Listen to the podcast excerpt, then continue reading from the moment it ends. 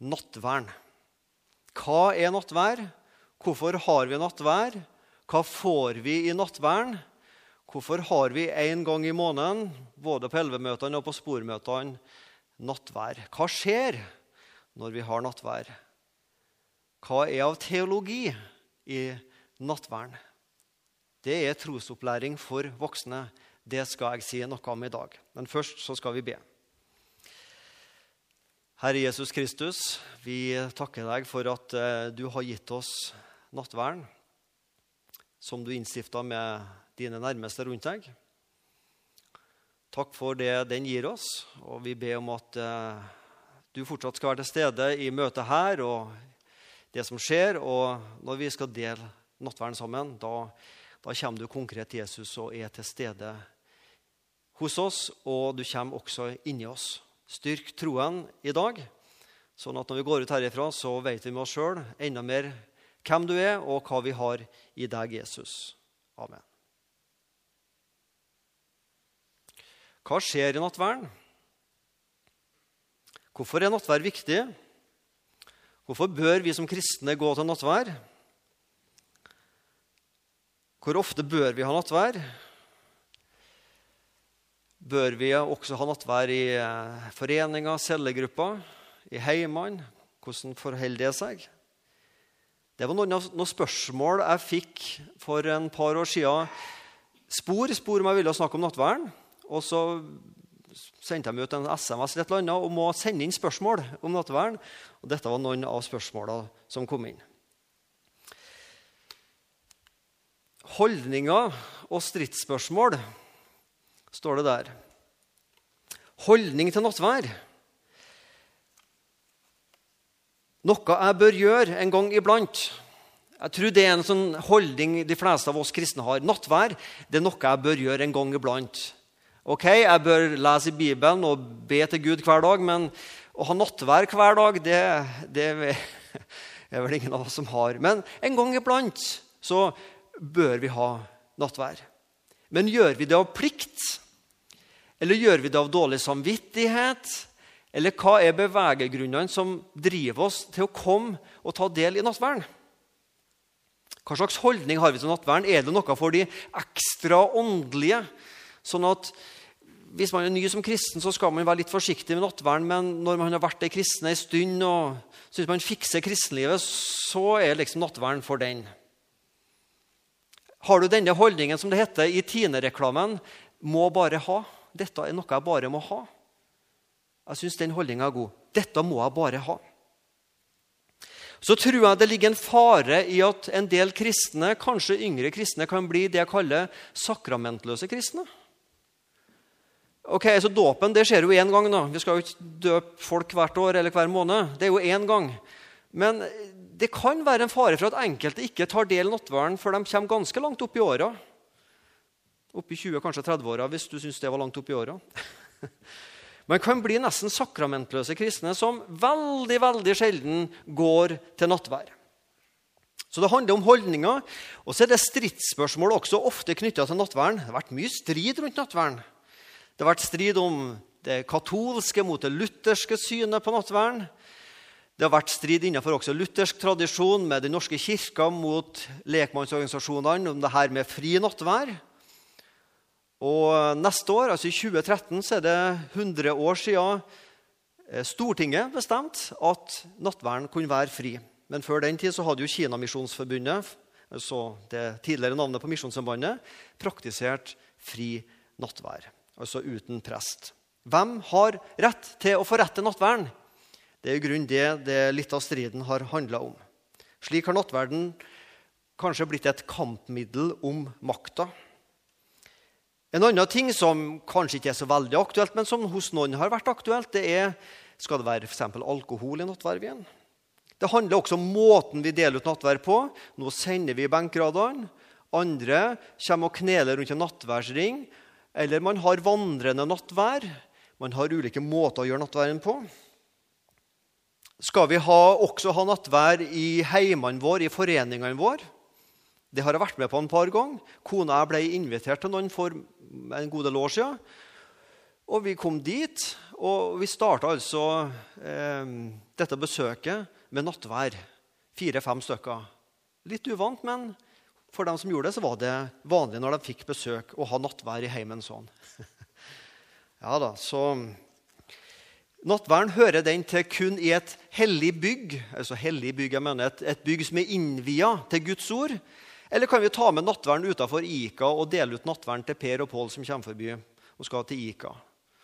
Ja, hvor er det nattverden hører hjemme? Sånn har nattverd av og til kunne vært et stridsspørsmål. Vi skal tilbake i tid, og vi skal langt tilbake i tid. Vi skal tilbake til Moses og kompani. Andre Mosebok. Der starter vi. Kapittel 12. Kapittel 12 Andre Mosebok, vers 3-11. Skal vi lese de versene? Kapittel 12, ja. Der var det. Så sier Gud til Moses.: Tal til hele Israels menighet og si:" På den tiende dag i måneden skal hver husfar ta seg ut et lam, et lam for hvert hus. Men dersom en husstand er for liten til et helt lam, da skal han og hans nærmeste nabo ta et lam sammen etter tallet på deres husfolk. Etter det hver eter skal dere regne folk på et lam. Det skal være et lam uten lyte, av hannkjønn, årsgammelt. Et lam eller et kje kan dere ta. Dere skal ta vare på det til den 14. dagen i denne måneden. Da skal hele Israels samlede menighet slakte det mellom to aftenstunder. Så skal de ta av blodet og stryke på begge dørstolpene og på den øverste dørbjelken på de hus hvor de eter det.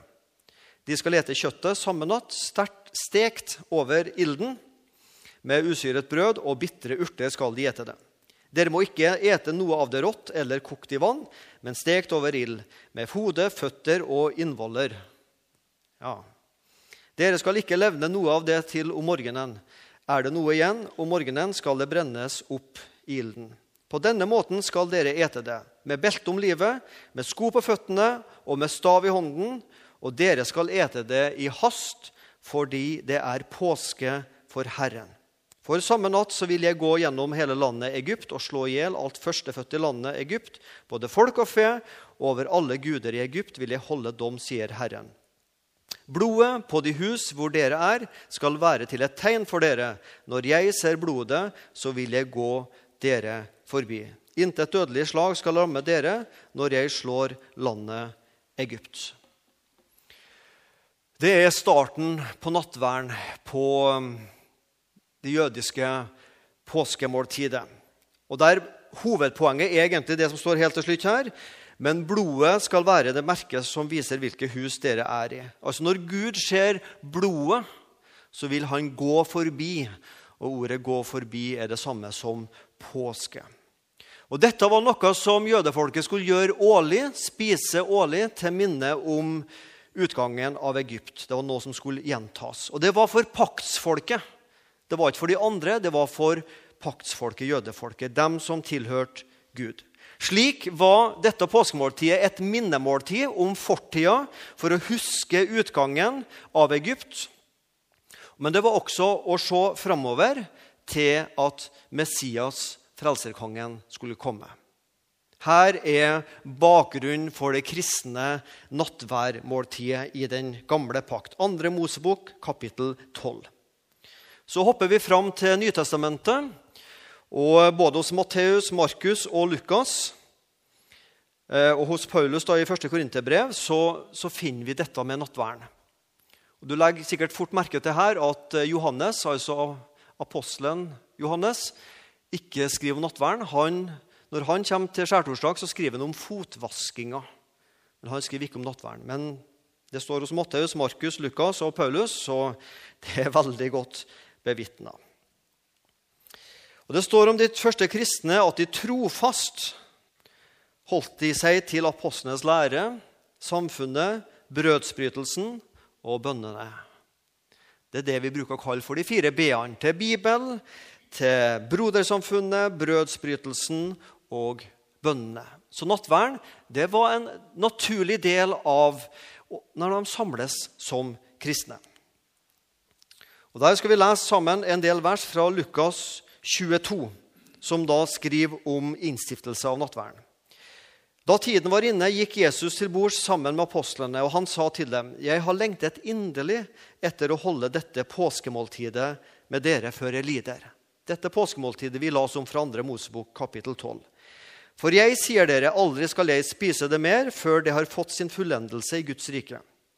Så tok han en kalk, ba takkebønnen og sa, ta dette og del det mellom dere, for jeg sier dere, fra nå av skal jeg aldri mer drikke av vintreets frukt før Guds rike er kommet. Så tok han et brød, takket brødet, gav dem og sa, dette er mitt legeme som gis for dere, gjør dette til minne om meg. Likeså tok han kalken etter måltidet og sa, denne kalk er den nye pakt i mitt blod, som utøses for dere.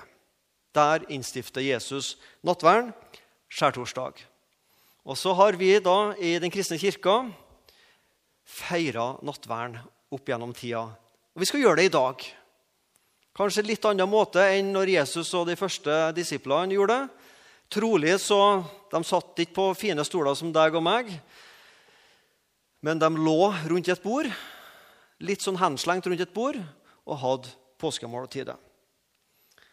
De hadde kanskje et annet brød, og de hadde, om det var alkohol i den vinen de drakk, det er mulig. Det er det ikke i dag. Men likevel, vi får det samme som de fikk den gangen. Så sa jeg det at nattvern det har vært et sånn stridsspørsmål opp gjennom kirkehistorien. Nå håper jeg at jeg klarer å holde dere litt våken her noen minutter, for nå er det litt kirkehistorie og litt teologi. Det klarer vi, gjør ikke vi det? Og hele menigheten sa amen. ja, vi får se. Jeg skal ta dere med inn i noe av Jeg syns det er spennende. Nå har jeg studert teologi. Men jeg tror og håper at du skal oppleve at noe også dette er spennende. Ulike syn på nattverden og hva dette dreier seg om. Og Det er tre hovedsyn. Det er det katolske synet på nattverd, det er det reformerte, og det er det lutherske. Så fins det helt sikkert varianter innenfor både det ene og det andre. Men det er liksom de tre hovedretningene. Et katolsk syn på, på nattverden, et reformert syn på nattverden, og midt imellom der det vi kaller det lutherske synet på nattverden, som vi tror er det bibelske synet. Det katolske synet på nattverden det var jo det som Martin Luther gjorde opprør mot. Og Der skal du notere deg begrepet 'forvandling'. Og Under begrepet 'forvandling' så står det altså et ord som er så langt at jeg måtte stå klokka sju i morges for å pugge det ordet. Det er et språklig C-moment å uttale. Men det uttales transsubstansiasjonslæren. Nå tror dere sikkert jeg er veldig lærd som kan sånne fine, flotte latinske ord transsubstansiasjonslæren. Jeg skal prøve å forklare hva det der er. Men det handler på enkelt, godt norsk om forvandling. At det katolske synet på nattverden så tenker man at brødet og vin forvandles til Jesu blod og legeme. Det ser ut som et brød. Det vil si, når det står der på alteret hos den katolske presten så er det et brød, og det er vin. Men så ber da den katolske presten en innstiftelsesbønn og leser noen ord over, sakra, over eh, brødet og vin. Og så forvandles det til Jesu blod og legeme. Da har det blitt Jesu blod og legeme. Og det kan ikke forvandles tilbake.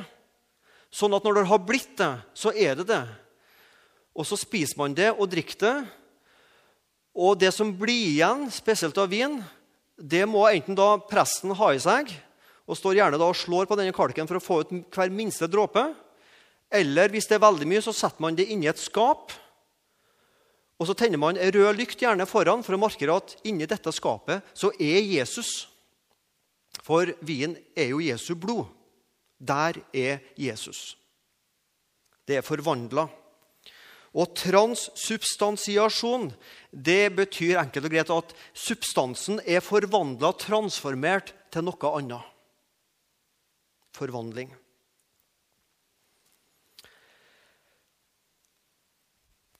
har du så De katolske prestene, i hvert fall før i tida, de preika og sa ting på latinsk. Så når presten las over eh, 'Dette er Jesu legeme', så sa han 'Hoc est corpus meum'. Hoc est corpus meum. Hva minner det deg om? Hoc est corpus. Er det noe som ligner på det? Hokus pokus. Ja? Og eh, Vi sier jo som unger, eller da vi var unger, hokus pokus filiokus, sa vi. Og det er faktisk Det kommer fra dette. Nå skal vi reise tilbake i middelalderen. og Da var ikke et sånt rom som dette her, og det var ikke lydanlegg. Da var det ei lang eh, steinkirke, og langt der framme sto presten vendt mot alteret og snakka på latin. Og langt der bak i kirka satt folket og småsov, for de skjønte jo ikke bæret hva presten sa på latin. Og når de kom til nattverden, så hørte de at presten sa et eller annet med 'hoc es corpus', og hørtes ut som hokus pokus. Og så, For da trylla presten brødet og vin til Jesu blod og legeme. Og Derfor ble hokus pokus de trodde han sa hokus pokus, det ble et trylleformular. Hokus pokus, filiokus, det kommer fra Eh, jeg tror på Den hellige ånd, som er utsendt fra Faderen og Sønnen. Filiokus og Sønnen. Så der har du det begrepet. Det fikk du med som bonus i dag. Men det er kjernen i den katolske læren. Det forvandles også det som står her om messeofferet. Fordi når det har blitt Jesu blod og legeme, så bærer presten dette fram til alteret og ofrer dette til Gud. Jesus ofres ublodig på nytt. Og det er klart, For Luther var dette helt uakseptabelt.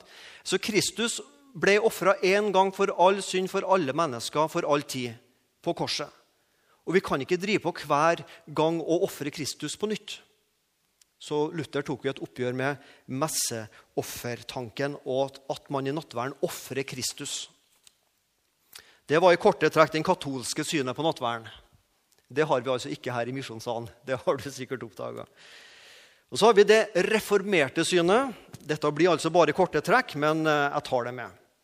Og Det er helt motsatsen til det katolske synet på nattverden.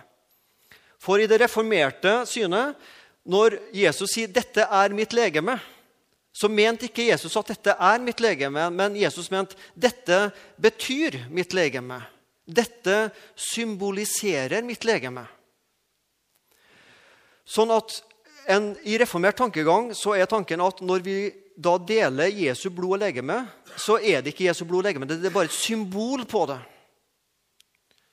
Og sant å si, Denne tankegangen har nok sneket seg ganske mye inn også i luthersk sammenheng.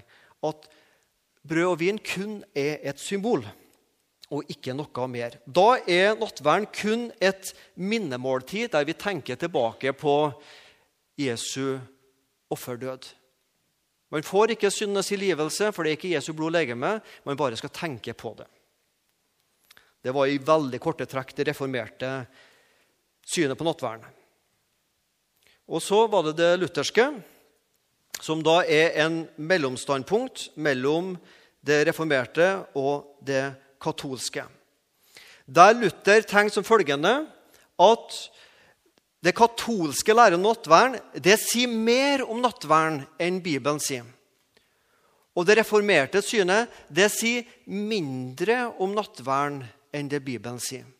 Så Luther fant en posisjon mellom det.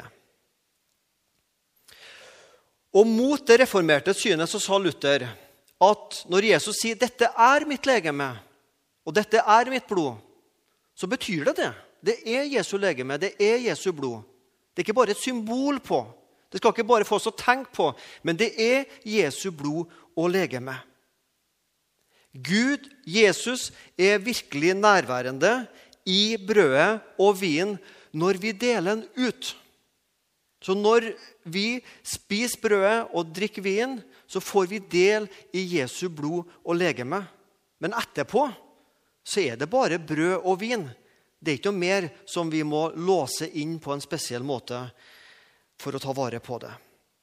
Og Luther hadde et veldig fint ord på det, som heter realpresens. Du lærte en del fine ord i dag.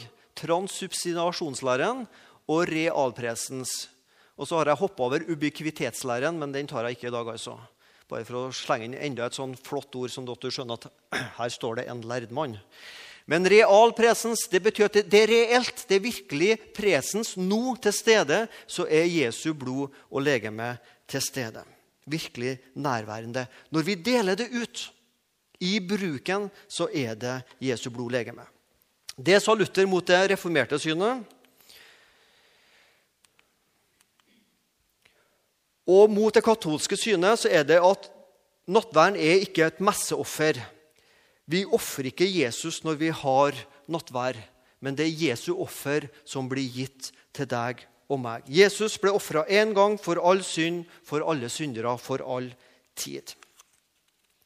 Så vi skal ikke ofre i nattverden, og vi skal ikke tilbe nattverden, men nattverden er noe vi skal bruke for å minnes Jesu offer. Det var en eh, fem til ti minutter gjennomgang av katolsk, reformert og luthersk syn på nattverden. Er du glad for at vi har et luthersk syn på nattverden? Skulle du håpa vi hadde et katolsk eller reformert? Jeg håper du er enig med meg at det lutherske synet det, det virker fornuftig og godt. Og forhåpentligvis også så tror vi jo det er bibelsk.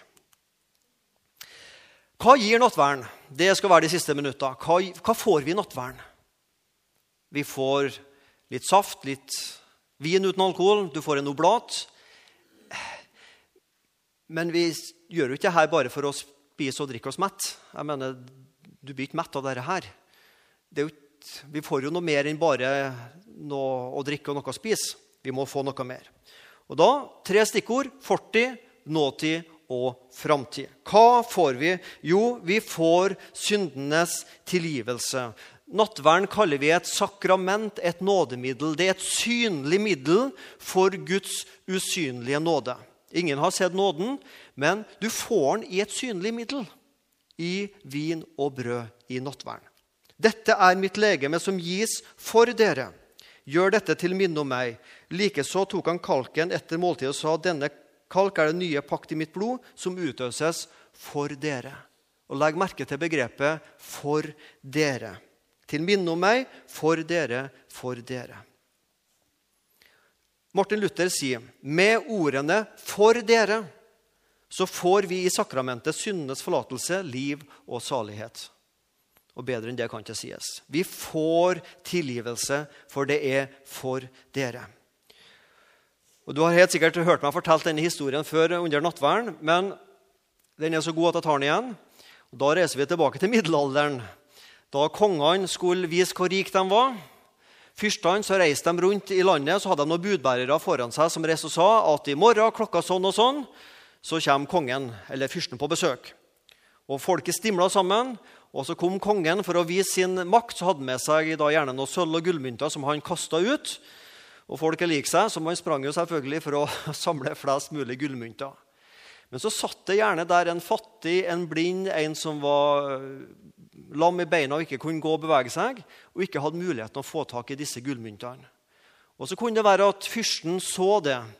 Så stoppa han hesten sin, så stiger han ned fra hesten, og så går han bort til denne fattige, stakkarslige personen. Så tar han en gullmynt og trykker inn i handa, og så sa han, 'For deg. Dette er til deg.' Og jeg synes Det er sånn, en flott fortelling, for det er når nattverden kommer, og du får det lagt i handa for deg. Da får du, om ikke gull og sølv, så får du Guds tilgivelse trygt i hånda, synlig for deg. Ja. Det er syndenes forlatelse, og det er til minne om Jesus. Gjør dette til minne om meg. Så nattverden det handler om fortid. For dette er mitt blod, paktens blod, som utøses for mange til syndenes forlatelse. Du får syndenes tilgivelse i nattverden. Men det handler også om nåtid, om å få syndenes tilgivelse i dag. Og det handler om fellesskap. Og det er en veldig fin ting med nattverden. Vi spiser av det samme brød, vi drikker av den samme vin. Vi har fellesskap i menigheten, og vi kjenner på fellesskapet i nattverden. Paulus skriver i 1. Korinterne kapittel 10, vers 16-17. Velsignelsens beger som vi velsigner, gir det oss ikke del i Kristi blod. Brødet som vi bryter, gir det oss ikke del i Kristi legeme. Fordi det er ett brød, er vi alle et legeme, og vi har alle del i det ene brødet. Det kan jo tyde på at de kanskje hadde en praksis der de hadde et stort brød som de brøyt biter av og ga til folk. Det gjør ikke vi i dag, men jeg har vært borti enkelte bedehus som gjør det på den måten. Vi har jo oblater, men å ha ett brød å bryte det markerer enda sterkere at vi har del i det samme brødet. Vi har del i fellesskapet. Fellesskapsbiten av nattverden er veldig fin. Vi kjenner på det kristne fellesskapet oss imellom. Dette er velsigna bånd som binder Guds folk i sammen her, som det heter sangen. Og for det tredje fortid, fram, eh, fortid nåtid, men også framtid. For jeg sier dere, sier Jesus i Lukas 22, fra nå av skal jeg aldri mer drikke av vintreets frukt før Guds rike er kommet. Så er det noe himmelperspektiv over nattverden. Vi spiser noe i dag som, og drikker noe som millioner kristne gjør over hele verden på en søndag som i dag. Og så er det en foregripelse, en forsmak, på det himmelske måltidet vi skal få del i. Vi skal en dag spise og drikke sammen med Jesus på en langt større måte enn vi gjør her i dag. Hvem er nattverden for? Hvem er det som bør ta del i nattverden? Første Korinterne, kapittel 11, vers 26 og 27. For så ofte som dere spiser dette brødet og drikker av kalken, så forkynner dere Herrens død inntil han kommer. Når vi tar del i nattverden, så forkynner vi for hverandre Herrens død inntil han kommer. Nattverden er gitt til Guds folk, paktsfolket, troens folk, for at vi sammen skal forkynne Herrens død for hverandre. Det er for Guds folk.